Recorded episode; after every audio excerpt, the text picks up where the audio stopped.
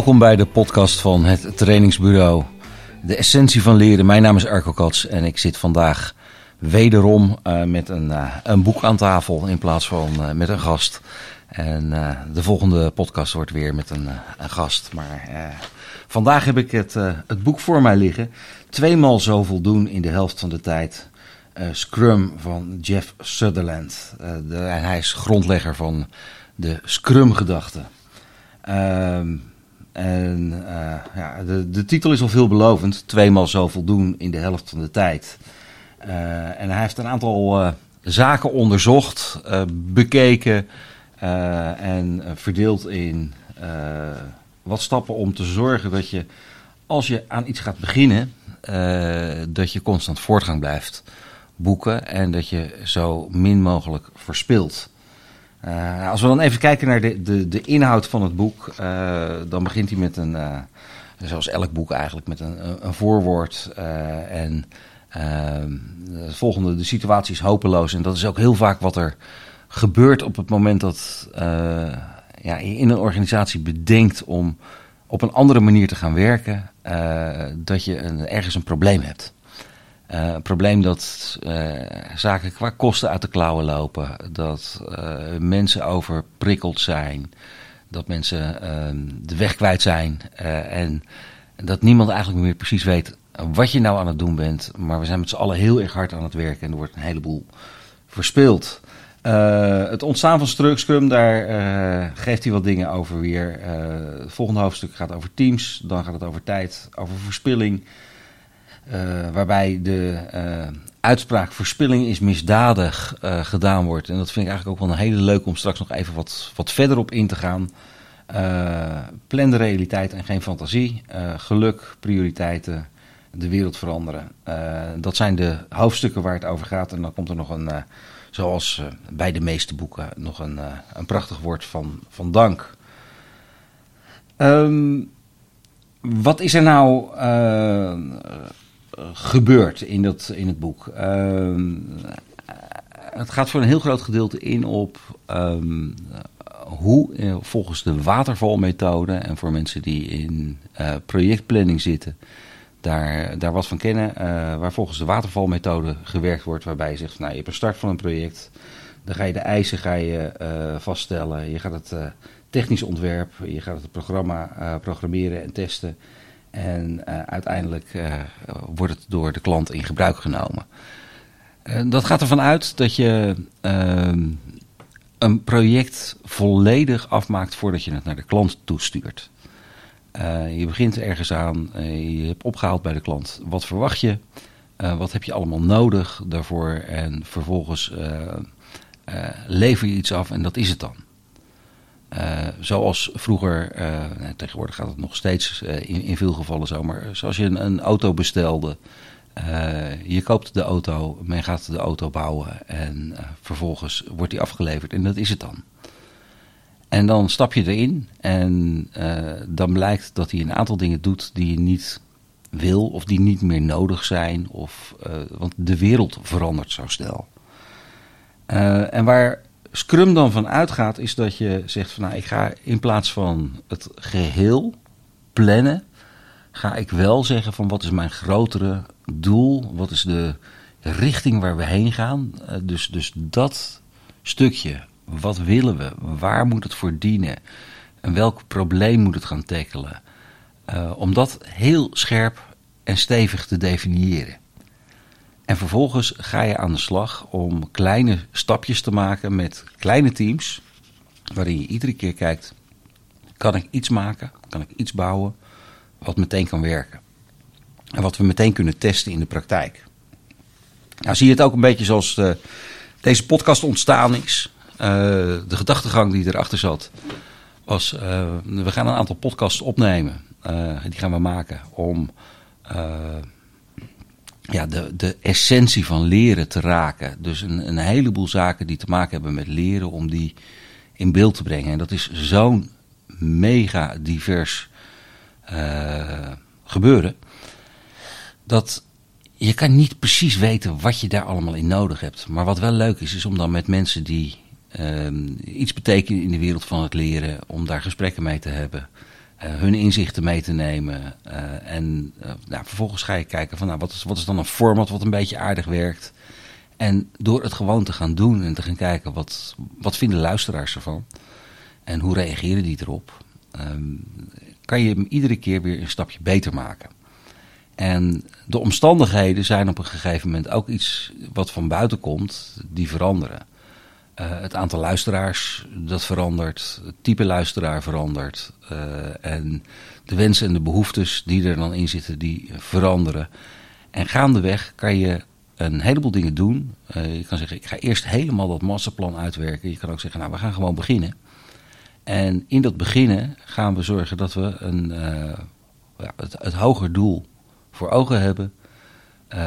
Dat het, het, brengen van informatie, het leveren van content op het gebied van leren en de essentie van leren, dat dat een centraal thema is en dat je daar van alles nog wat aan kan ophangen. Uh, het ontstaan uh, heeft ook iets te maken met. in het verleden hadden we een manier van plannen die te maken had met een langzaam veranderende omgeving. En dat betekende dat je de tijd had om je hele plan uit te voeren. Uh, maar er is inmiddels zoveel aan techniek wat snel verandert. Uh, de wereld wordt steeds meer een eenheid.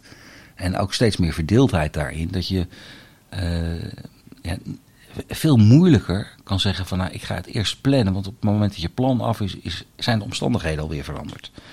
Dus planning is hartstikke goed. Dat is een van de gegevens die in het boek uh, naar voren komt. Maar je planning blindelings volgen, dat is dom. Um, dus je maakt wel een plan, maar je plan is gericht op dat hogere doel. En je focus tijdens de uitvoering van het plan moet gericht blijven op het hogere doel. Dat wil zeggen, je kan tijdens het, het uh, proces kan je op een gegeven moment zien van hé, hey, als ik nu mijn planning blindelings volg, dan ga ik af van dat hogere doel. En dan moet je aanpassen.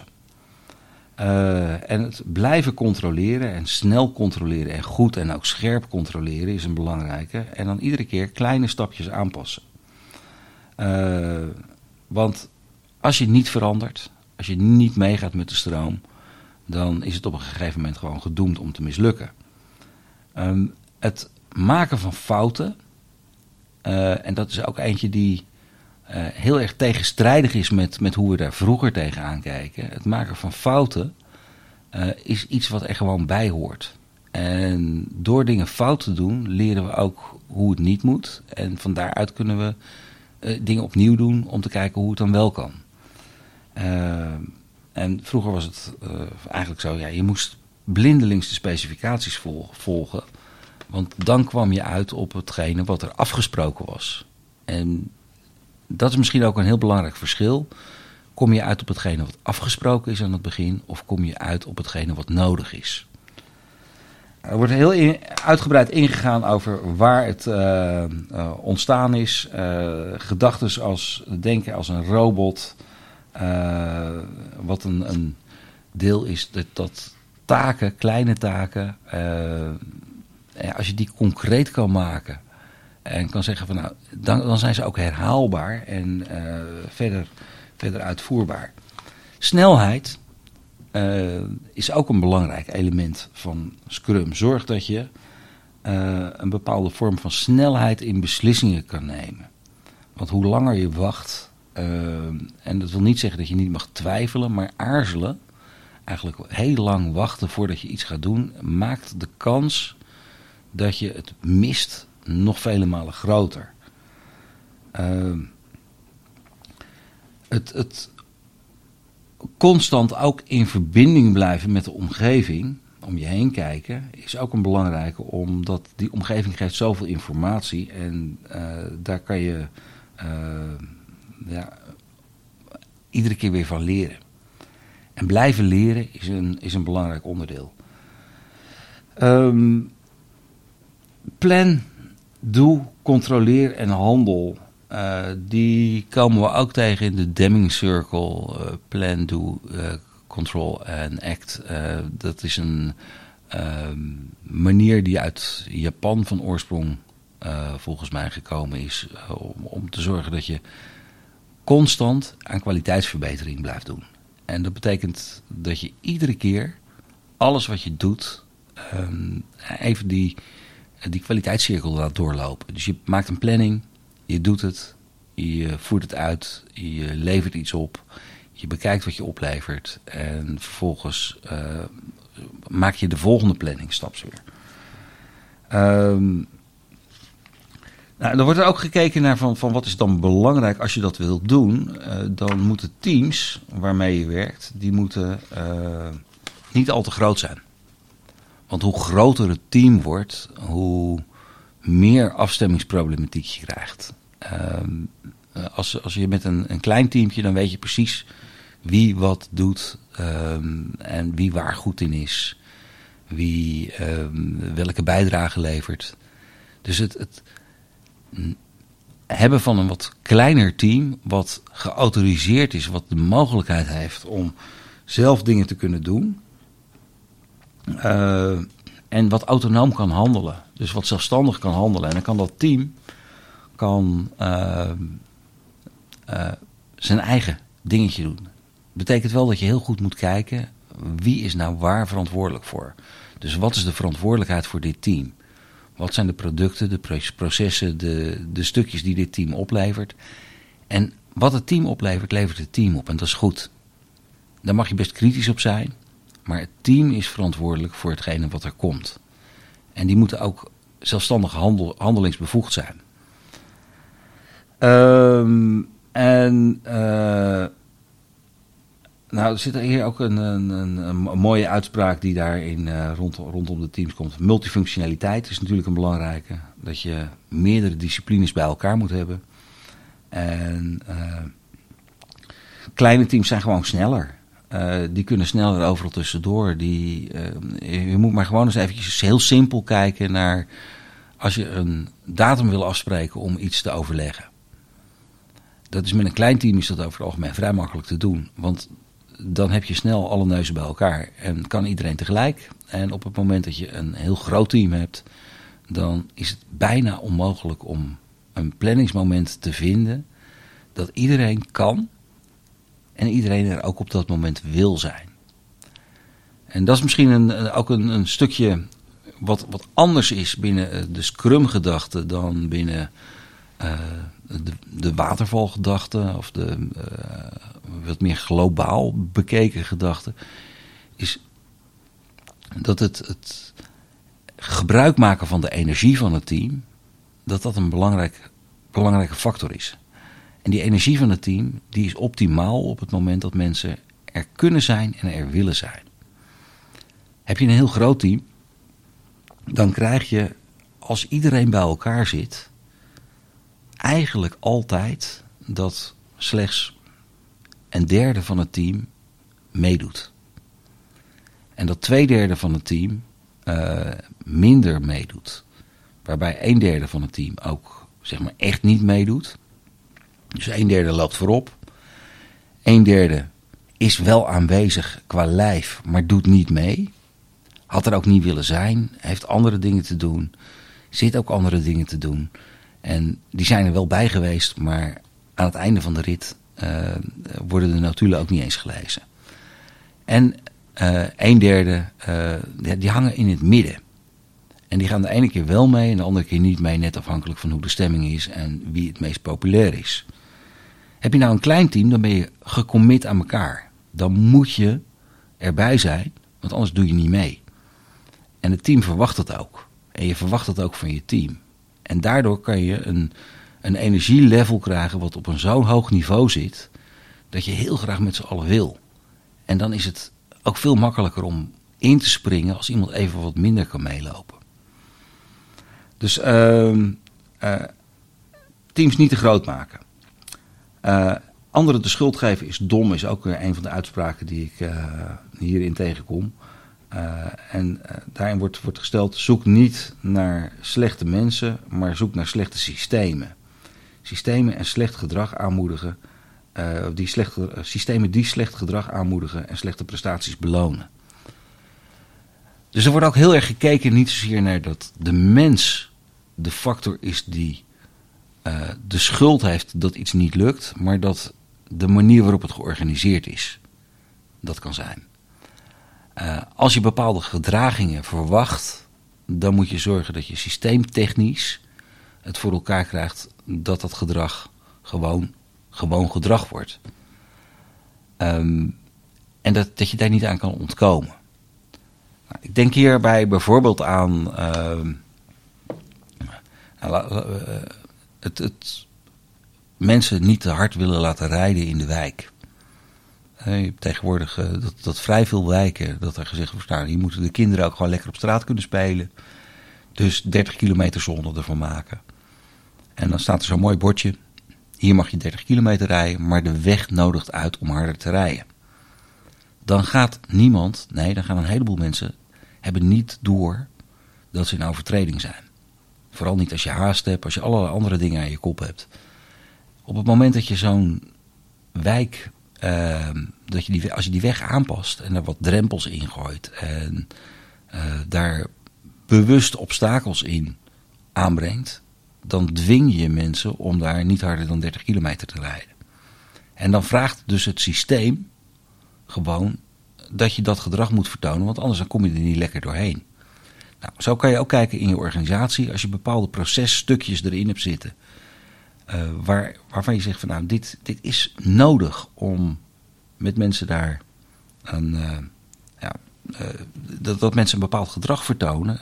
Bijvoorbeeld de ander goed informeren. Nou, als je daar een gezamenlijke plek voor hebt waarin je die informatie deelt. En mensen houden die informatie achter, moet je zorgen dat er op een of andere manier dat het onmogelijk wordt in het systeem om die informatie achter te houden.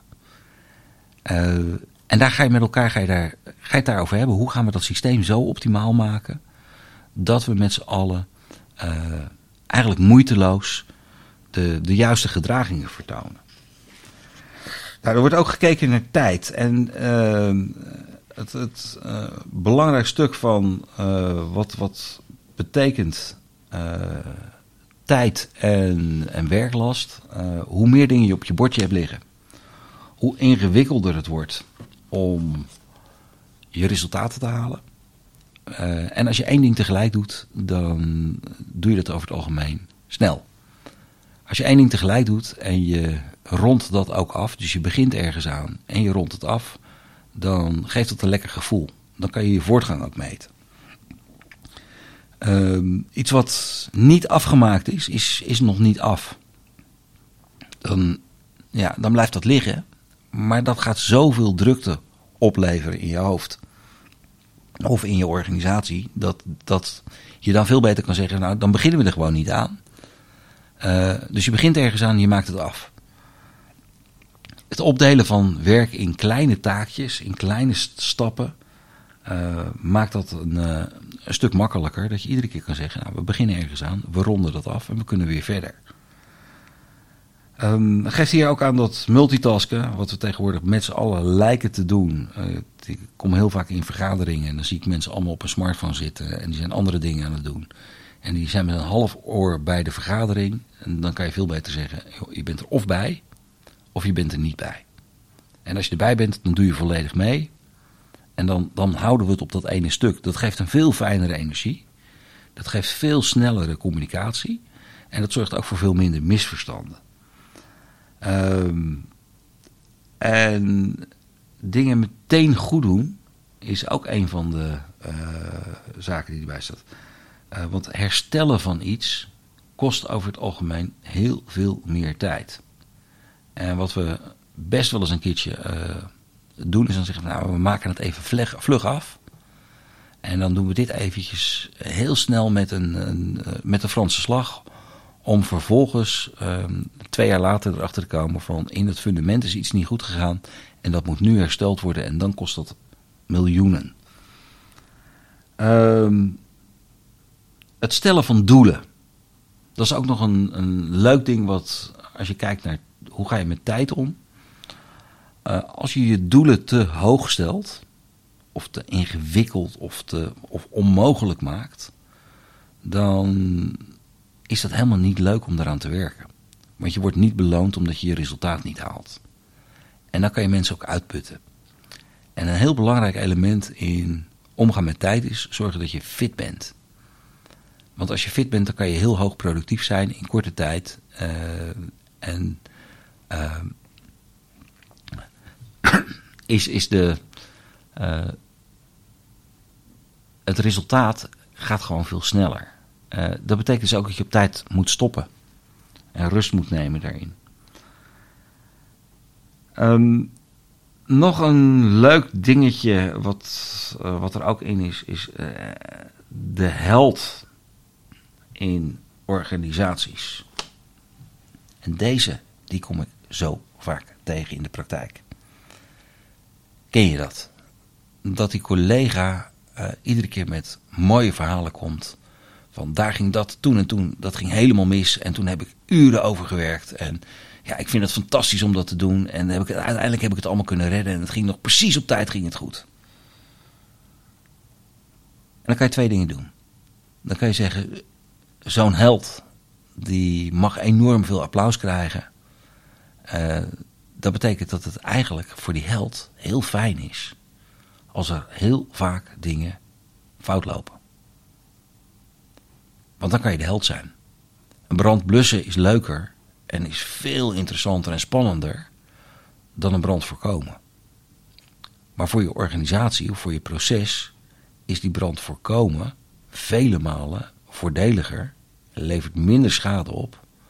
En het levert alleen ook niet die ene held op die de redding mag brengen. Dus voor helden is dat echt wel een slechte boodschap.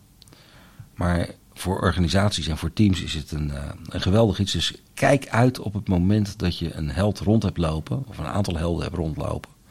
Kijk heel erg uit, hoe hard is die held held? En hoe houdt die held het in stand om zijn plekje van de held te kunnen hebben? Want dat geeft ook bepaalde privileges. Uh, en dan komt er ook een, een, een, volgend stukje bij, wat als je het hebt over de, de, de teams uh, hufterig gedrag. Uh, dat moet je ook gewoon niet accepteren als team. Nou, ze hebben een, een uh, aantal zaken. Er staat ook nog een, een mooie, mooie term in: streef naar flow. En wat, wat, wat moet je daar dan bij voorstellen bij flow? Misschien ken je dat wel. Het moment dat je uh, met een sportwedstrijd bezig bent en alles loopt gewoon lekker. Je bent gewoon lekker aan het sporten. Je hebt een lekker gevoel, je vergeet de tijd. En uh, er komt aan het einde van de wedstrijd, denk je, oh, is die wedstrijd nu alweer afgelopen? en je hebt lekker gespeeld, je hebt een mooi gevoel eraan overgehouden. Ja, dan ben je in flow geweest. In flow ben je zo geconcentreerd met een taak bezig dat je eigenlijk zelf opgaat in die taak. Dat je uh, één wordt met hetgene wat je aan het doen bent. En dat wordt genoemd onder, het, uh, uh, onder de, noemer flow. En wat kan je dan doen? Hoe kan je ervoor zorgen dat je in je organisatie, in je werkzaamheden, wat kan je doen om die flow eigenlijk een streefwenswaardig iets te laten zijn?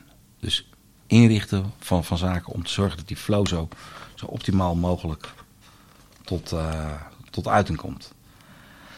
Um, het verspillen van tijd, het verspillen van middelen, uh, het verspillen van energie van mensen, uh, dat is dood en doodzonde en is niet duurzaam. Dus wees daar bewust op. Dat is een, een, een ding wat erin zit. Nou zitten er verder zitten er nog een aantal zaken rondom. Hoe ga je nou plannen? Daar wil ik nu niet al te diep op ingaan. Maar daar zitten, zitten technieken onder. Om te zorgen dat je heel bewust gaat kijken van ga ik, de inschatting van de tijd die ik maak over hoe lang gaat iets duren. Ga ik die inschatting zo realistisch mogelijk maken. En dat is er eentje, dat vinden we best lastig. Uh, want ga maar eens aan een paar mensen vragen. Hoe lang denk jij dat het duurt om, uh, nou, laten we ze een, een kamer leeg te maken? Nou, en dan zal de een zal zeggen, ja, daar heb ik dan drie dagen voor nodig. En de ander zal zeggen van, nou, dat is twee uurtjes. Um, en hoe lang het werkelijk duurt, dat weet je pas achteraf. En mensen die dat dus regelmatig gedaan hebben, die hebben een beter beeld over wat de realiteit is. Ehm, maar het, het realistisch plannen, het realistisch inschatten, is dus ook iets dat moet je leren. En dat doe je vooral door er ook veel over te praten met elkaar. Maar praten niet in de zin van we gaan dat uh, helemaal uitkouwen. Waar komt het allemaal vandaan? Maar vooral praten over waarom denk jij dat het een dag duurt en waarom denkt de ander dat het drie dagen duurt. Nou, en als je vooral over de extreme gaat, gaat praten, maar dan moet je een middel hebben om snel erachter te komen. En daar is het agile poker is daar een ding voor wat gebruikt wordt. Om te kijken, kunnen we de grootste verschillen eruit halen en daar even naar luisteren. Dus degene die zegt het duurt drie weken, daar luister je naar. Waarom vindt diegene dat het drie weken duurt? En degene die zegt, nou het kan in tien minuten. Wat heeft die te vertellen daarover? En op het moment dat je die verhalen meeneemt, dan kom je steeds tot een realistischer planning. Um, dan uh, zitten er ook nog wat factoren in van uh, wat gaat over geluk. Um, en ja, wat is dan geluk? En we hebben bij het trainingsbureau hebben we ons ook gefocust een, tijd geleden op um, waar komt werkplezier nou vandaan? Uh, wat zijn daar onderdelen in die daar een rol in spelen?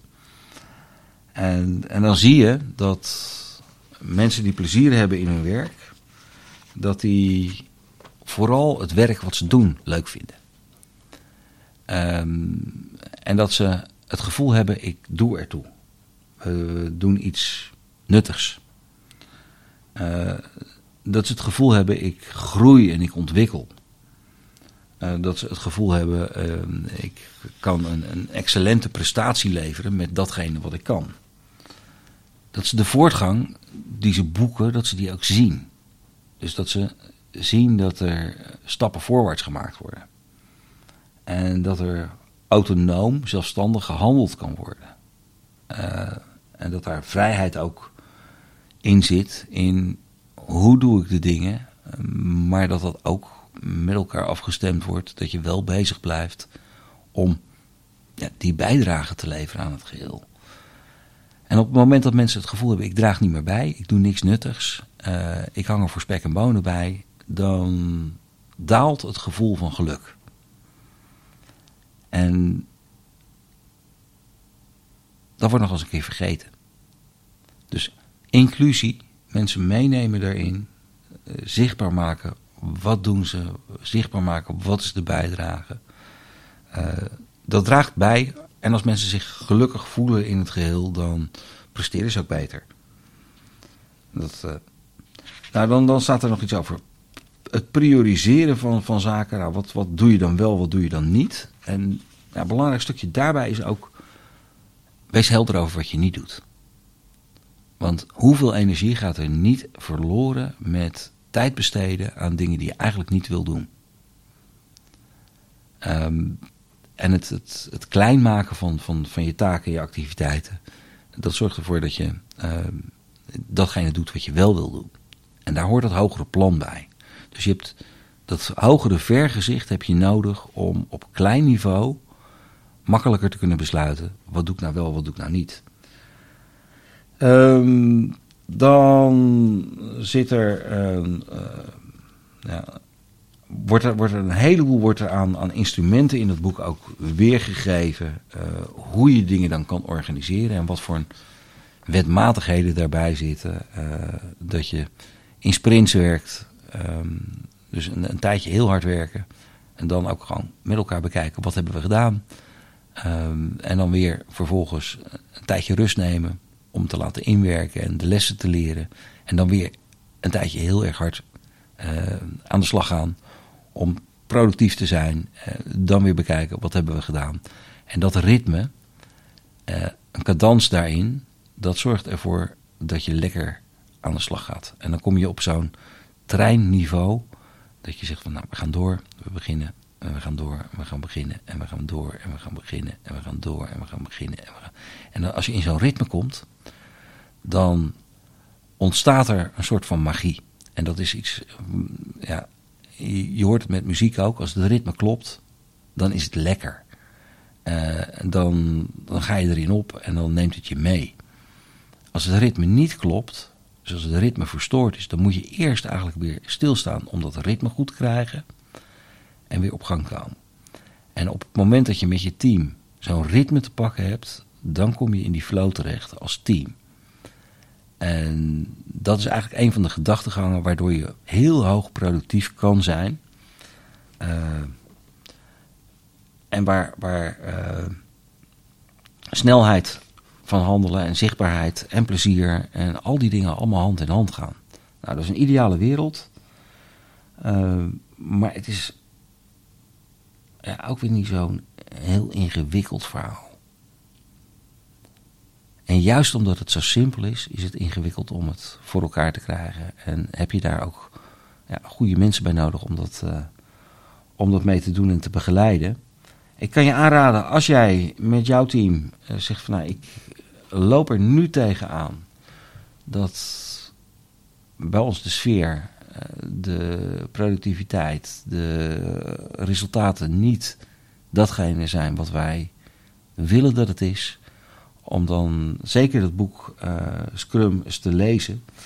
Tweemaal zoveel doen in de helft van de tijd. En ga ook gewoon eens in gesprek met een Scrum Master, met iemand die daar veel verstand en ervaring in heeft. In hoe zorg ik nou dat ik die ritmes in een team inbreng. En dat we zorgen dat we dat, uh, ja, dat, dat we blijven groeien. Uh, maar ook dat we productief zijn. Dat is even uh, kort over de, de, de highlights van, uh, van, van het boek. Ik uh, kan hem absoluut aanraden. Ik heb hem zelf in één adem doorgelezen. En ehm, er zitten fijne anekdotes in. Er wordt op een prettige manier uitgelegd hoe het werkt. En ja, het boek is. Ik zal even kijken hoeveel pagina's is het ja, ongeveer 250 pagina's, maar dan zit ik ook nog met, met uh, het register erbij. Ik ga even terug naar waar die tot aan het einde is. Ja, 230 pagina's. Dus daar kom je, kom je best wel vrij vlot doorheen. Uh, het geeft je de inzichten, het geeft je de handvatten om uh, de verandering die je voor elkaar wil krijgen te starten. Maar haal er ook mensen bij die uh, ervaring vanuit de praktijk meenemen. Dat zou ik zeer zeker aanraden. Dit was de podcast Essentie van Leren van het trainingsbureau. En ik ga afscheid van jullie nemen. ik zie jullie heel graag, of hoor jullie heel graag terug in de volgende podcast. Heb je nou zelf onderwerpen waarvan je zegt, dat wil ik eigenlijk wel eens een keer op de kaart hebben? Ik zou het wel eens fijn vinden om daar wat meer informatie over te hebben. Omdat het jou gaat helpen om jouw team beter op de kaart te krijgen. Het leren in jouw organisatie nog te verbeteren. Neem gerust contact op. Uh, want wellicht kunnen we daar een keer een podcast aan besteden. heb je een verhaal te delen over leren en waarbij je denkt van dit, dit is de moeite waard om dat met anderen te delen? Neem ook gerust contact op. Zoek ons op op de website www.hettrainingsbureau.nl. Uh, en daar kan je ook terecht om alles te vinden over wat er aan trainingsaanbod geboden wordt door het trainingsbureau. En wij helpen organisaties met het uh, op de kaart zetten van het leren in de organisatie. En dat is meer dan alleen maar trainen. graag tot de volgende podcast.